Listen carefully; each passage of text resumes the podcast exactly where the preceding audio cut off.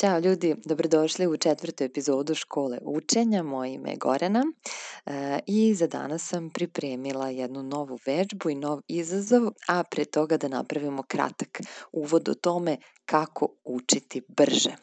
E, najfamoznije pitanje definitivno od svih koje vas najviše interesuje i to mogu da e, slobodno potvrdim i kažem da je to činjenica. Prosto e, što vidim po e, YouTube kanalu Anatomija učenja gde video koji nosi naziv kako učiti brže ima ubedljivo najveći broj pregleda. e, i od uvek je od početka je i imao, definitivno je broj 1 na, na tom kanalu. Ono što je interesantno, ukoliko niste taj video već odgledali, ponovit ću ovde najosnovnije stvari, jeste to da odgovor na to pitanje uglavnom vam se uopšte ne svidi. Ali šta da radim, držite se ako zaista želite da otkrijete tajnu kako učiti brže i da to i postignete i ostvarite u svojoj praksi i time ostvarite mnogo bolje rezultate za mnogo, mnogo manje vremena, onda jednostavno dopustite sebi da, da e, prihvatite taj odgovor i da se ponašate u skladu sa tim. Odgovor na magično pitanje kako učiti brže je učiti sve više i više. To vam je jednostavna analogija da pojasnim sa teretanom. Učenje je veština. Što više učite, lakše ćete i brže pamtiti nova znanja. Ono što je fascinantno u ovoj priči, fascinantno u tome kako mozak funkcioniše, jeste da uopšte ne morate učiti karikiram, hemiju, da biste sutra bolje i brže učili hemiju, možete godinama izučavati neke društvene nauke poput istorije, sociologije, književnosti i tako dalje. Možete jednostavno biti načitani, što se kaže u našem narodu, odnosno pročitati brdo neke ljubavne, romantične literature, romana, kakvog god žanra I sutra kada sednete da učite, brže ćete čitati, učiti, pamtiti sa boljim fokusom i boljom koncentracijom nego neko ko nije sve to uradio. Zašto? Zato što uopšte nije važno šta učite. Važno je da učite. Na učenju kao procesu, kao radnji je akcenat što više učite, mozak je spremniji i sposobniji za tu aktivnost i za tu radnju. I svaki put kad ponovo sednete nešto da učite, svaki put je sve lakše i lakše. To vama iz trenutne perspektive možda ne izgleda tako, zato što i dalje imate neki otpor ka učenju i svaki put kad sednete da učite imate neku negativnu emociju ili ste prosto upadnete u jedno uh, loše stanje e, zato što imate otpor ili ka samom učenju, ka tom sedenju koje vam je možda tu besmisleno, e, ka samom predmetu, možda čak i profesoru, ko zna šta se krije u nama što nas odbija od samog učenja. Ali verujte, sam mozak mnogo lakše i brže procesuira informacije svaki naredni put kad sedamo za knjigu. Kažem to, e, uglavnom nije vidljivo vama, em što ne obraćate pažnju na to, e, em što teško je uporediti i primetiti male minimalne napretke od danas za sutra, od danas za sutra. Ali pokušajte da se setite prosto sebe, zašto, zašto niste mogli u osnovnoj školi, e, jedva ste naučili tri lekcije, ono kad se kaže 3 za 5, ali tako? Učimo tri lekcije za kontrolni i to je bilo ono muka, jednaka kao danas kada se spremaju ispiti od po tri knjige. Razumete? Šta se promenilo među vremenu? To što smo mi stariji nije nam razvilo mozak dodatno u tom smislu. E, sposobnosti i veština učenja ne rastu s godinama, nego s praksom sa vežbanjem. Zato student može da uči nekoliko knjiga, a pre 5-10 godina nije mogao je dva po 3-4 strane. Samo prelaz iz srednje ka fakultetu, ako, mislim, prepostavljam da većina vas studira, ali ne mora da znači, ali u svakom slučaju samo prelaz iz srednje škole ka fakultetu, koliko je veliki skok i razlika u rasponu i obimu gradiva, a opet uspevamo to da postignemo kako tako.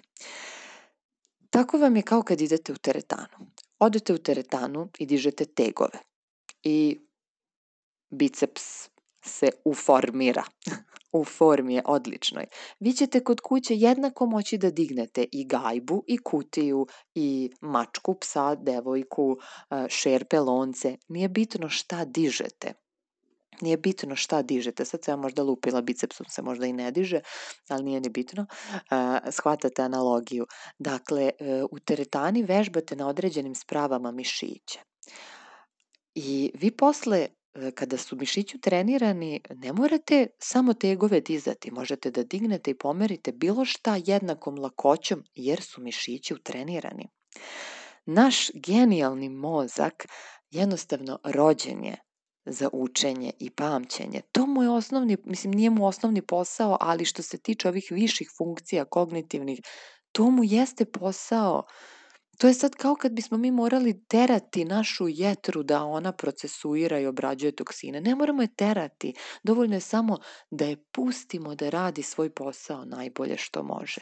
Jednako i bubrez, jednako i srce. Kada se prežderavamo nekom hranom koja ima visok procenat soli, mi otežavamo bubrezima da radi svoj posao. Ne moramo ih terati da rade svoj posao. Oni će svakako to uraditi, ali će im biti naporno.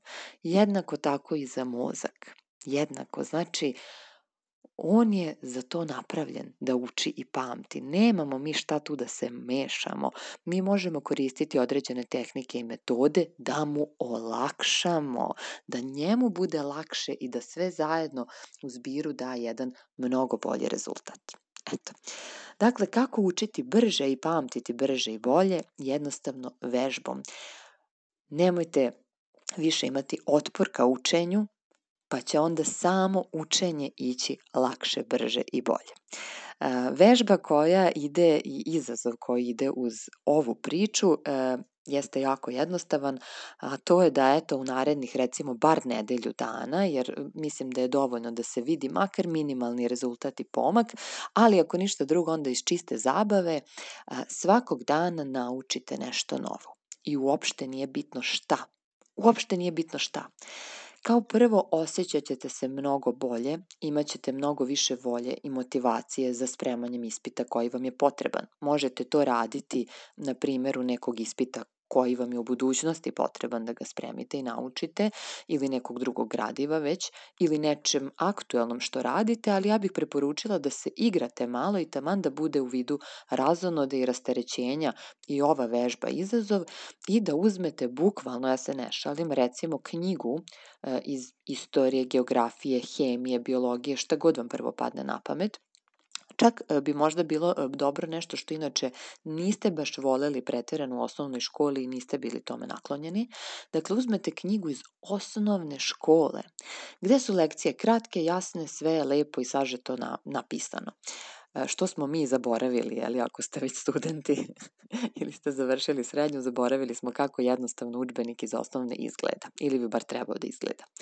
I dajte sebi zadatak, odnosno ja vas izazivam, jel tako, da se priključite ovom izazovu, da svakog dana naučite nešto novo.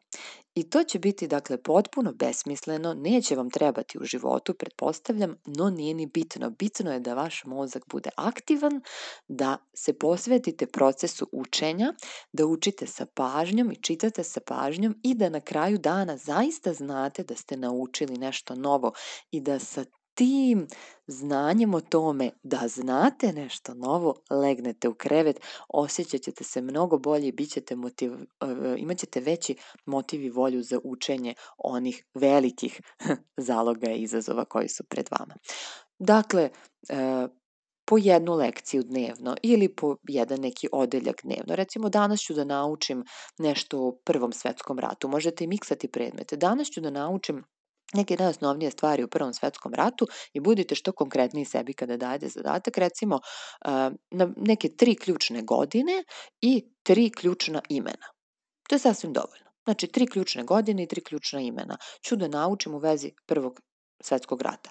Pročitate, nađete, izdvojite koje su neke tri ključne godine, možda početak, kraj i eventualno još neka, neka tri ključna imena, možda ko je izazvao, šta god, neki general poznati i tako dalje, izdvojite ta imena i to pročitate par puta, to je jako malo informacija i možda u toku dana pogledate još jednom, na kraju dana se preslišate. Da li ste naučili tri ključne godine i tri ključna imena? Jesam, super, bravo ja. Sutra dan uzmete recimo biologiju, kažem danas ću da naučim pet organela iz ćelije, kako se zovu i koja im je funkcija. Razumete? Znači, tačne i konkretne sebi zadatke postavite u vezi tog učenja minimalne, ono da ne možete da failujete i igrate se sa tim. Pročitate ujutru, uveče vidite da li ste naučili ili niste. Eto. To je moj savet vama, koliko god vam delovalo smešno, banalno i da ne pomaže, kao uvek kažem vam, morate probati, morate se aktivirati, vaša guza mora da ustane i da uradi nešto, da učini neku akciju, ako želite bolje rezultate, boljeg sebe i jednostavno da ostvarite svoj pun potencijal i da dođete do toga da blistate u punom svom sjaju. Važi? Slušamo se naredne srede, a umeđu vremenu javljajte mi e, kako teče ovaj izazov, da li vam se dopada, da li, e, kakva osjećanja vam budi, e, koliko vam je bilo interesantno, da li nešto novo ste otkrili možda o sebi ili svojim metodama i tehnikama učenja. Možete mi pisati na Instagramu ili Messengeru Gorana Biverhausen E, anatomija učenja je YouTube kanal koji možete pratiti mimo ovih vežbica za, neko, za neke dublje i duže priče. Pozdravljam vas do naredne srede. Ćao!